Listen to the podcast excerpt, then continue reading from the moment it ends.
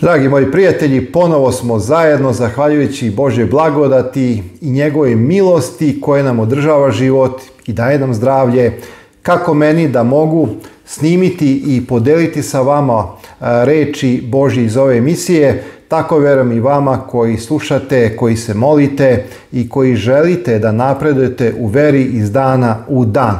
Pre nego što krenemo sa današnjom temom, a kazat ću zašto delim ovo iskustvo sa vama. još jednom vas podsjećam da dajem besplatan primjerak ove predivne knjige autora Aleksandra Santrača. Ovo je jedan intervju sa Miroslavom Wolfom koji se bavi etikom, koji je autor dela Etika zagrljaja, a ova knjiga je nastala kao jedan dijalog, jedan intervju kojeg je vodio profesor dr. Aleksandar Santrač, tako da imam nekih dvadesetak primjeraka i svi koji želite možete je poručiti. Ali svakako posebno mi srce udara u bržem ritmu kada podižem reč Božju, čiji je autor Duh Sveti koji je nadahnuo misli proroka apostola gdje je zapisana i sama reč Božja, reč Isusa Hrista koji je došao na ovaj sve da nađe i spasa ono što je izgubljeno. Ako želiš upoznati svog spasitelja i ako želiš da mu predaš život i da živiš onako kako je njegova volja, ne onako kako uče tradicije i mnoge ključivo, tako kaže gospod, to je ono što je najbitnije, poručite sveto pismo kao besplatni primjerak, ono što je fantastično, moj san se ispunjava kojeg mi je gospod dao, Bog je obećao, reči Božje neće nedostajati sve do Hristovog dolaska reč Božja će se širiti i evo ja sam zahvalan Bogu koji otvara vaša srca da možete pomagati i ono što je predivno iskustvo kako odlaze Biblije tako dolaze sredstva, tako se ponovo nabavljaju Biblije i to je prosto jedan ciklus koji neće prestati kao što sam rekao do Hristovog dolaska i također još jedno sveto pismo, novi srpski prevod, latinica, tako da evo, dragi moji, i sve ostale knjige koje imate uvijek na kraju svake emisije, da ne bih zamarao vas koji to znate i da ne bi gubili vreme, zato sam slikao ja te knjige, ako imate želju da naručite neki od tih naslova, budite slobodni, sve je besplatno, Bog se stara za sve, a ja želim da zaista što više ljudi isključivo i na prvom mestu dobije reč Božju sveto pismo, a svakako i one druge knjige koje sam lično pročitao i za koje sam se uverio da stoje na poziciji Biblije, ja evo nudim i svima vama, a vi kako želite. Naime, e, zadnje dve emisije, ne znam baš da su zadnje, ali one dve emisije koje sam snimao vezano za spasenje, Uh, jednom spašen, za ovih spašen i tako dalje, kako da znam da li sam spašen, su proizvela mnoga pitanja i nedomice, iako smatram da na neki način da sam to relativno jednostavno izneo, ali ok, razumijem, ljudi koji se možda po prvi put susreću sa takvim mislima, idejama koji ne poznaju dovoljno Bibliju i dalje postavljaju pitanja. Mnoga pitanja su mi došla na Messenger, mnoga pitanja na mailove, to su opširna pitanja, iskrena pitanja. I onda sam razmišljao kako da na sve to odgovorim. Došao sam do ideje da je možda najjednostavnije, najbolje da ne u formi neke teološke misli iznesem i dam još neke odgovore, nego da iznesem iskustvo obraćenja jednog čovjeka koji nam dolazi iz Koreje, koji živi u okružen kulturom istoka gdje je izuzetno jak budizam, ali koji je došao u susret sa rečju Božjom preko jedne misionarke hrišćanke koja bi trebalo da pokaže kako izgleda hrišćanin koji je zaista doživeo nanovo rođenje u kome je Isus Hristos i koji je siguran u svoje spasenje. Znači, delimo ovo iskustvo zato što je ovo realnost, ovo je istiniti događaj i ne samo to, naša pažnja danas neće biti samo na toj hrišćanki, nego i na ovom čoveku, tadašnjem mladiću, sada već starijem čoveku, koji je u to vreme bio budista, bio mrzitelj hrišćanske misli i tako dalje, ali koji se obratio i kroz koga je Bog doveo na hiljade ljudi sebi. Tako da kroz ovo iskustvo posmatrajte ovu hrišćanku, posmatrajte koliko je njen ego, stari čovjek, mrtav u Hristu, kako izgleda osoba koja se ne vređa, kako izgleda osoba u kojoj je ego mrtav, a živ Hristos koji sedi na prestolu njenog srca. Posmatrajte čovjeka koji odbija, odbija, odbija, a onda se lomi, prihvata Hrista i doživljava kako fizičko isceljenje, tako i duhovno. Uživajte, dragi moji, u ovom iskustvu. Iskustvo ide ovako. Prekriven rastrganim ćebetom ležao sam u drvenoj kolibi, kako kaže, premazanoj blatom i čekao da umrem. Da bih preživeo, jeo sam jednom dnevno, borio sam se da završim školu i pripremim sebe za život, a sada sve to pada u vodu jer sam počeo da umirem. On kaže da je odrastao u Severnoj Koreji, njegov deda i otac marljivo su mu prenosili sve one važne filozofske ideje misli iz budizma, Zahtevali su od njega da se klanja kipu bude i da mu često pali one mirišljave štapiće. Kada je izbio rat, izgubili smo dom, morao sam mnogo da radim, iako sam živio na jednom obroku dnevno da bih zaradio za one osnovne stvari da bih mogao sebe školovati. Verovatno, kaže, to je usledilo, to je dovelo do toga da mi opadne imunitet, dobio sam težak oblik tuberkuloze, kaže ovaj autor. Inače, autor se zove David Jongi Cho. David Jongi Cho. I on kaže, jednoga dana iz usta mi se pojavila krv, a ubrzo iz nosa, Zadržavajući kašalj, borio sam se da se nugušim dok nisam pao u nesvest, a kada bi došao sebi i počeo da kašljem, moja usta su bila puna krvi i bio sam preslab da bi se digao iz kreveta, a često koliko sam dugo i ležao u nesvesti nisam ni znao. Konačno sam nekako uspeo da se odvučem do doktora, toga jutra kada sam otišao kod doktora, bio sam više mrtav nego živ. Roditelji su me na neki način odveli do bolnice i doktor kada je pregledao moja pluća ustanovio je da su ona razorena ovim virusom tuberkuloze i dao mi je mjesec do dva još života. Oko mene se sve smračilo, uzviknuo sam doktore, da li je to istina? On mi je pokazao rengensku sliku i objasnio da je levo plućno krilo potpuno uništeno tuberkulozom.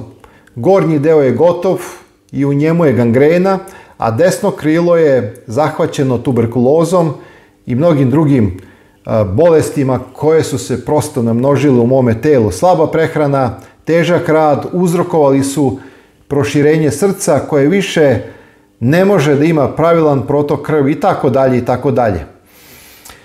I onda kada sam došao kući, kaže ovaj autor, prišao mi je otac, hteo je da me ohrabri, on je želeo meni dobro i rekao je, sine, ne postoji ni život, ni smrt, ni radost, ni žalost, samo je buda stvarnost. Zaboravi na život i smrt i smiri se. To je jedan deo iz filozofije koje je Buda širio i koju su oni prepričavali. Međutim, ja sam rekao mome ocu, krv koju povraćam je stvarnost i moje trpljenje je stvarnost. Buda i tvoja filozofija nisu mi pomogli. Svega se toga odričem. Kada sam to rekao, ocu je bilo vrlo teško. I dok sam jednoga dana ležao, zahvatio me strah i beznađe, te sam uzviknuo, da li postoji negdje gore neki Bog koji me čuje? Da li taj Bog koji postoji može da mi pomogne? Negde u svemiru, tamo negde na nebu, ako postojiš, sada zapazite, ovdje se otvaraju mogućnosti za delovanje Božje. Kaže, molim te, pomozi mi, želim se pripremiti za smrt.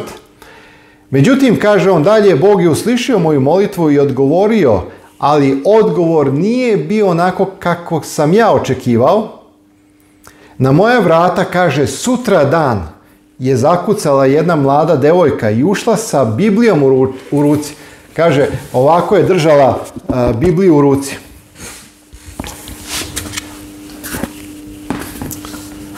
Iznenadio sam se jer prema našem shvatanju istočnjačkom žene su bile manje vredne i muškarci ne bi trebalo da njih slušaju, a pogotovo nešto od njih da uče. Grubo sam joj rekao, neka izađe, a ona je rekla, vidim da ćeš ubrzo umreti, i zbog toga želim da ti predstavim moga Isusa Hrista, da ti predstavim mog izbavitelja. Kada sam ja čuo šta ona želi, razljutio sam se i počeo sam da je psujem, kaže ovaj autor ovog iskustva. Rekao sam joj da oko mene postoje milioni bakcila tuberkuloze i da ona može da se zarazi. A ona je odgovorila, moj Isus Hristos će me zaštititi i nastavila mi je govoriti. Konačno je otišla, a onda sam ja onako uzviknuo hvala budi što je otišla. Sljedećeg jutra ponovo je došla, počela je da peva neku pesmu i počela je čitati iz Biblije. A ja sam počeo da je psujem, rekavši da je hrišćanska kučka, ali nije pokazala da se uvredila, niti se suprostavljala. Čitavo vreme je samo ljubazno govorila o Isusu. I ovdje samo, ma, dragi moji, jedna mala digresija. Pogledajte reakciju hrišćanki. Ona je mogla da kaže ovako u sebi. Pa ja ti donosim Hrista. Ja želim da, da ti pomognem. Ja želim da ti ponudim rješenje koje mene oduševljava. A ti mene psuješ. Ti mene nazivaš hrišćanskom kučkom. Ma neću više na prag da ti dođem. A pa, to bi mnogi rekli, dragi moji. Ali ne i ova mlada misionarka koja je umrla svome egu, jer ona je znala da ovaj čovek ne napada nju, nego napada Hrista. Napada istinu. Drugim rečima, đavo kroz ovog čoveka pokušava da odbaci istinu koja donosi oslobođenje. I ona je znala tu veliku borbu koja se dešava za spasenje ovog mladog čovjeka u to vrijeme ili za njegovu večnu propast. Ona je znala da se odvija velika borba i ona je nastavila dalje. I sada zapazite, kada je došla drugi, treći, četvrti, peti put, upitao sam je zašto i dalje dolazi i zašto se i dalje moli za mene, a ona je odgovorila nešto me tera iznutra da to činim i radim. Nešto me navodi da dolazim kod tebe. Šta je to što te tera upitao sam? A ona je rekla, moj Isus, i niz obraze, kaže ovaj mladić, njoj su potekle suze. da sam se ja slomio i počeo sam da plačem. Rekao sam, želim, zato što si tako uporna, želim da upoznam tvog Isusa. Dala mi je sveto pismo i počeo sam ga čitati tamo gde je ona naznačila. Na prvom poglavlju Evanđelje po Mateju za nekoliko sam minuta uzviknuo ovo izgleda kao telefonski imenik. Kako mi to može pomoći? Rekla mi je da čitam dalje i da ću naići na čudesne događaje. Nakon što se ponovo pomolila, ona je otišla. Čitao sam i dalje rekao, ajde želim da naletim na neku duboku filozofiju kao kod budizma, ali otkrio sam da Biblija izveštava o čoveku po imenu Isus Hristos koji je sin Boži. Čitao sam kako se Isus postavljao prema bolesnicima, kako je podizao mrtve, kako je lečio, a ja sam bio, kaže on, u potrebi da dobijem isceljenje. Ao kako sam želeo da u tom trenutku ja budem isceljen, kaže ovaj autor. Ali nažalost ne mogu do njega. Počeo sam da ga psujem, da ga mrzim, bacio sam Bibliju a onda sam je opet uzeo pa sam počeo da čitam stihove koji će na govoriti da Isus mrzi grešnike i tako dalje. Ali nisam pronašao ni jedan stih koji to potvrđuje.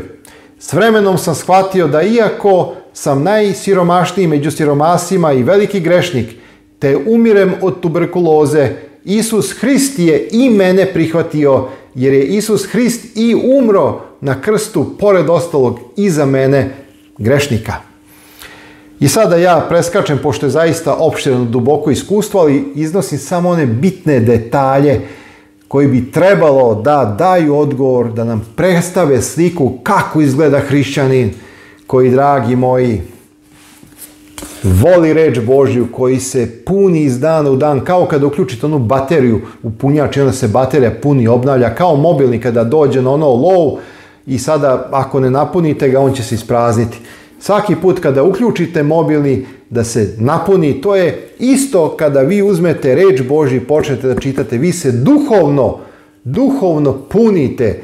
Dragi moji, najveće blago koje jedan smrtni čovjek može drži u svojim rukama je Biblija, reč Božja. Ne može da ispuni ništa na ome svetu čovekove misli i srce kao reč Božja, ili je to reč Oca našega nebeskoga, kome je toliko omilio sve da je dao svoga sina da ni jedan koji ga veruje ne pogine. O, kakve li velike ljubavi. Šta je Bog? Pa Bog nije kao grčki bogovi sedi tamo na nebu i onda ubija munjava i tako dalje bez milosti. Bog je Bog koji se spustio ovaj svet Reč beše Bog i reč beše telo, useli se u nas.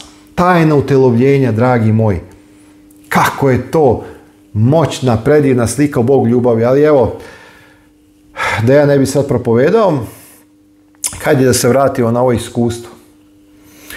I kaže, otkad mi je dala sveto pismo, devojka se više nije pojavila.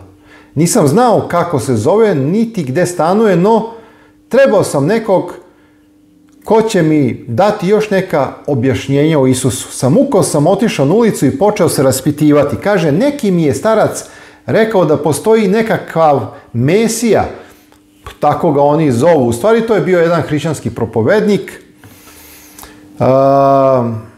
gdje jedan Amerikanac, sveštenik, propovede ispod jednog šatora. S obzirom da sam bio tako slabi da sam morao svakih nekoliko koraka zastati i da se odmorim, Zamolio sam tog čovjeka da me odvede tamo gdje taj čovjek propoveda. Kada sam došao, upravo su pevali. Lica su im bila radosna.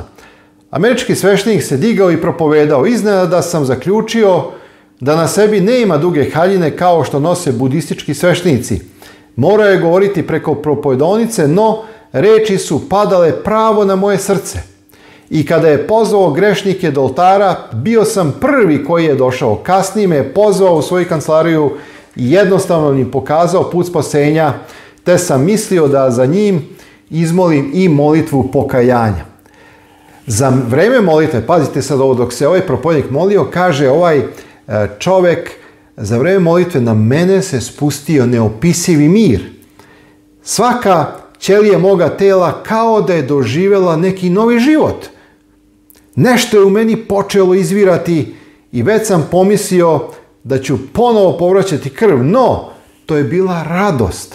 teo sam zapevati, ali nisam znao kako, nisam znao pevati. Upitao sam ovog čoveka koji se zove Louis Richard. To je bio tada taj misionarski propovednik koji je tada propovedao, Louis Richard. Je li ovo istina? Da li sam ja hipnotisan? Šta se to dešava? Vratio sam se kući, a sa mnom i radost i mir. Svojim sam ispričao šta mi se dogodilo. Međutim, dolaze problemi. U Koreji slušati Isusa znači prestati poštovati duhove svojih predaka, a to često vodi do isključivanja bez presedana iz porodice. Sestra koju sam mnogo voleo, moja rođena sestra, kaže on, počela me ispitivati. Ljubiš li tog Isusa više od svoje porodice? Hoćeš li se radi njega odreći svih nas? Došao je otac i rekao mi da više neće brinuti za mene ako odmah ne napustim kuću. To jest, pre toga je rekao da prvo napusti hrišćanstvo, da ne ide više tamo i tako dalje. Na vratima sam mu rekao, u stvari, kada je, izvinjavam se samo, aha, uzeo sam nekoliko stvari i krenuo stricu, Sreo me na ulici rekao, prljavo hrišćansko pseto, ovdje nisi dobrodošao, odlazi. I kaže ovaj je autor, i stric me odbacio, i porodica, i sestra, i otac, i majka. Nisam, kaže, imao kuda, ali u srcu sam još uvijek imao neshvatljivu radost i mir, iako nisam znao gdje da idem. Krenuo sam prema brdima sa namjerom da umrem jer ova moja bolest je uzimala maha, ali me je zatim, ali mi je zatim kaže na um došla ideja da bi trebao ipak da do Amerikanca, ovog propovednika i da mu zahvalim što mi je pomogao da pronađem Isusa. Na vratima sam mu rekao, brate Richard, iskreno cenim vašu dobrotu, zahvaljujem se što ste me doveli Hristu.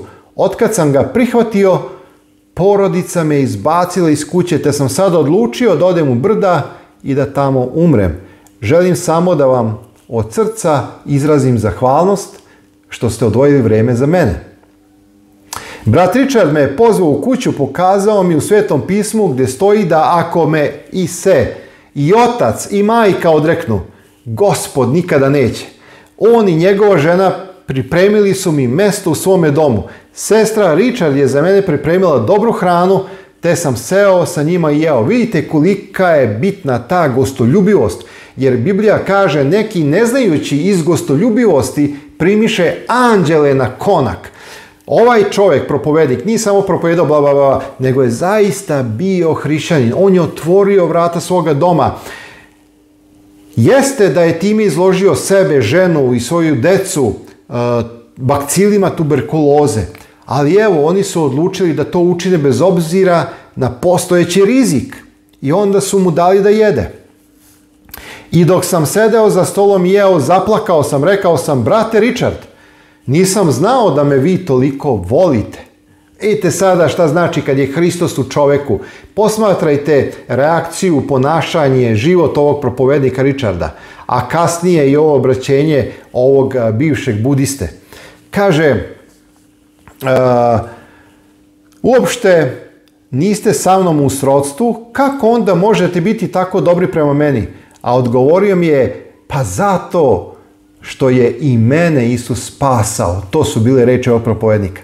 savjes mi nije dozvoljavala da dugo ostane kod njih i izložim ih opasnosti tuberkuloze, zbog toga sam u blizini unajmio malu sobicu. Brat Richard je nastavio da podučava reč Božju. Govorio mi je, Božja reč ima veliku stvaralačku snagu. Ona će te ozdraviti. To je poruka za mene koja je bila prevelika da bi mogao verovati da je istinita no on mi je pokazao brojne stihove iz pisma. Upamtio sam ih, a jednoga dana sam bio spreman provesti i praktikovati njihovu istinitost. Zatvorio sam vrata sobi i rekao, Isuse, želim se sresti sa tobom i porazgovarati o svojoj budućnosti. E, čekao sam, ali Isusa nije bilo. Zatvorio sam vrata nadajući se da će mi Isus dati neku objavu, ali nije bilo nikakve objave. Čitav dan sam se molio. Mučio sam se duboko noću, no ipak sam istrajavao u molitvi, a iza ponoći ponestalo mi je telese snage, pa sam legao da spava E sada, zapazite ovaj moment. Znači, kada daš sve od sebe i kada daš i onaj posljednji atom snage i kada izgleda kao da Isus ne čuje, onda se dešavaju velike stvari dolazi Isus i nagrađuje tvoju vernost. Nagrađuje tvoju veru. Zapazite, iznenada je u moju sobu došla jedna neopisiva svetlost. Učinili mi se kao da sobu ispunjava oblak svetlećeg dima. Preplašio sam se misleći da je kuću zahvatila vatra, te sam odmah pokušao zvati u pomoć. Ali iz mene, kaže, nije izlazio nikakav glas. Pogledao sam po prostoriji, ugledao noge, podigao sam pogled i video belu haljinu, zatim sam ugledao lice, bilo je svetlo poput užarenog sunca. Još uvek nisam znao ko je to dok mu nisam opazio krunu od trnja na glavi. Na čelu su mu bili tragovi trnja iz kojih je kapjala krv. Sada sam znao da je to Isus Hrist. Činio mi se kao da je njegova ljubav ušla u moje srce. Moji bogovi kojima sam oduvek služio bili su bogovi straha i prokletstva. Uvijek sam morao odlaziti u hram i moliti ih da me ne bi kaznili. A Isus je drugačiji. Osjetio sam njegovu ljubav i svaki me strah napustio. Čitavo moje biće preuzela je slavna radost. I kada sam ponovo postao svestan okoline, Isusa više nije bilo u mojoj sobi. Zaboravio sam na bolesno srce i pluća i odjurio u misijsku stanicu. Rekao sam bratu Richardu da sam video Isusa i da se moje biće ispunilo ljubavlju. Vikao sam oduševljenja. Taj novi doživljaj stvorio meni veliku želju da svakome svedočim. Odlazio sam na ulicu i ljudima govorio Isusu kako sam sve više ja jača u telu Išao sam od kuće do kuće. Vidite, dragi moji, ovdje se krije jedna predivna istina. Primalac postaje davalac. Onaj koji je novo biće u Isusu Hristu ne može da čuti. On će tu radost i to oduševljenje prenijeti drugima. Dragi moji, vidite, tu je razlika između Galilejskog jezera i Mrtvog mora. Mrtvo more prima vodu, ali ne daje, zato je mrtvo. Galilejsko jezero prima vodu, i daje dalje vodu, voda dotiče i otiče dalje i zato je galijsko jezero puno života, riba i tako da. Eto, to je samo jedna slika. Svakako, ne znači da sad svi mi moramo ići od vrata do vrata ili svi mi da na neki način jednako svedočimo. Bog nam je dao različite darove i moli se Bogu da ti da odgovor na koji način ti možeš biti dobar svedok za Isusa Hrista? Na koji način ti možeš proslaviti ime Božje? Šta je ono što tebe čini radosnim kada propojedaš evanđelje na bilo koji način? Znači, ja samo želim da vam pokažem kako se osjeća osoba koja je doživljava na rođenje, kako se osjeća osoba koja doživljava promjenu misli, kako se osoba ispunjava ljubavlju. Sjetite se one hrišćanke, nije se vređala, nije nego je bio mrtav, u njoj je živeo Hristos i to su zaista fenomeni koji nam otkrivaju šta znači doživjeti spasenje, šta znači živjeti u Hristu iz dana u dan. I sada nastavio sam, nastavio sam sa radom za gospoda, misionari su me ohrabrivali, predlagali, mi da počnem teošku školu i tako dalje i tako dalje. Kasnije sam počeo propovedati po šatorom, skupilo se i nekoliko siromašnih slušatelja, obezbedili smo im i hranu i smeštaj, ubrzo je šator bio pun, a mnogi su morali stajati na polju da bi nastavili slušati. Za ovu novu crkvu koja je rasla, a, bio je potreban stalan prostor za bogosluženje. Kupili smo ubrzo zgradu u centru Seula i redovno održavali bogosluženja. Stotine ljudi su dolazili u crkvu. Zatim smo prošli dvoranu i svake godine hiljade i hiljade novih ljudi dolazili su Isusu Hristu. Moja crkva raste jer propovedamo Isusa Hrista koji je juče, danas i zauvek onaj isti. On me je prihvatio kada sam umirao, spasao me, ozdravio i napunio svojim svetim duhom. Inače, jedan segment koji sam preskočio zbog vremena, ovaj čovjek je doživio potpuno isceljenje od tuberkuloze, dobio je nova pluća, Bog mu je dao zaista zdrava pluća, dao mu je jako zdravlje i zaista ga je obilno blagoslovio. Sve to je potrebno još mnogo ovakvih iskustava, sve treba nešto više od filozofije, Svet treba nešto više od religije. On treba prisutnost živog Isusa Hrista, živog spasitelja koji je osoba i koji želi da nam bude prisan u našim životima i da nas vodi po svojoj volji. Zato ja na kraju ove misije kažem, dragi gospode, vodi nas po svojoj volji da bi nas jednoga dana odveo u slavu.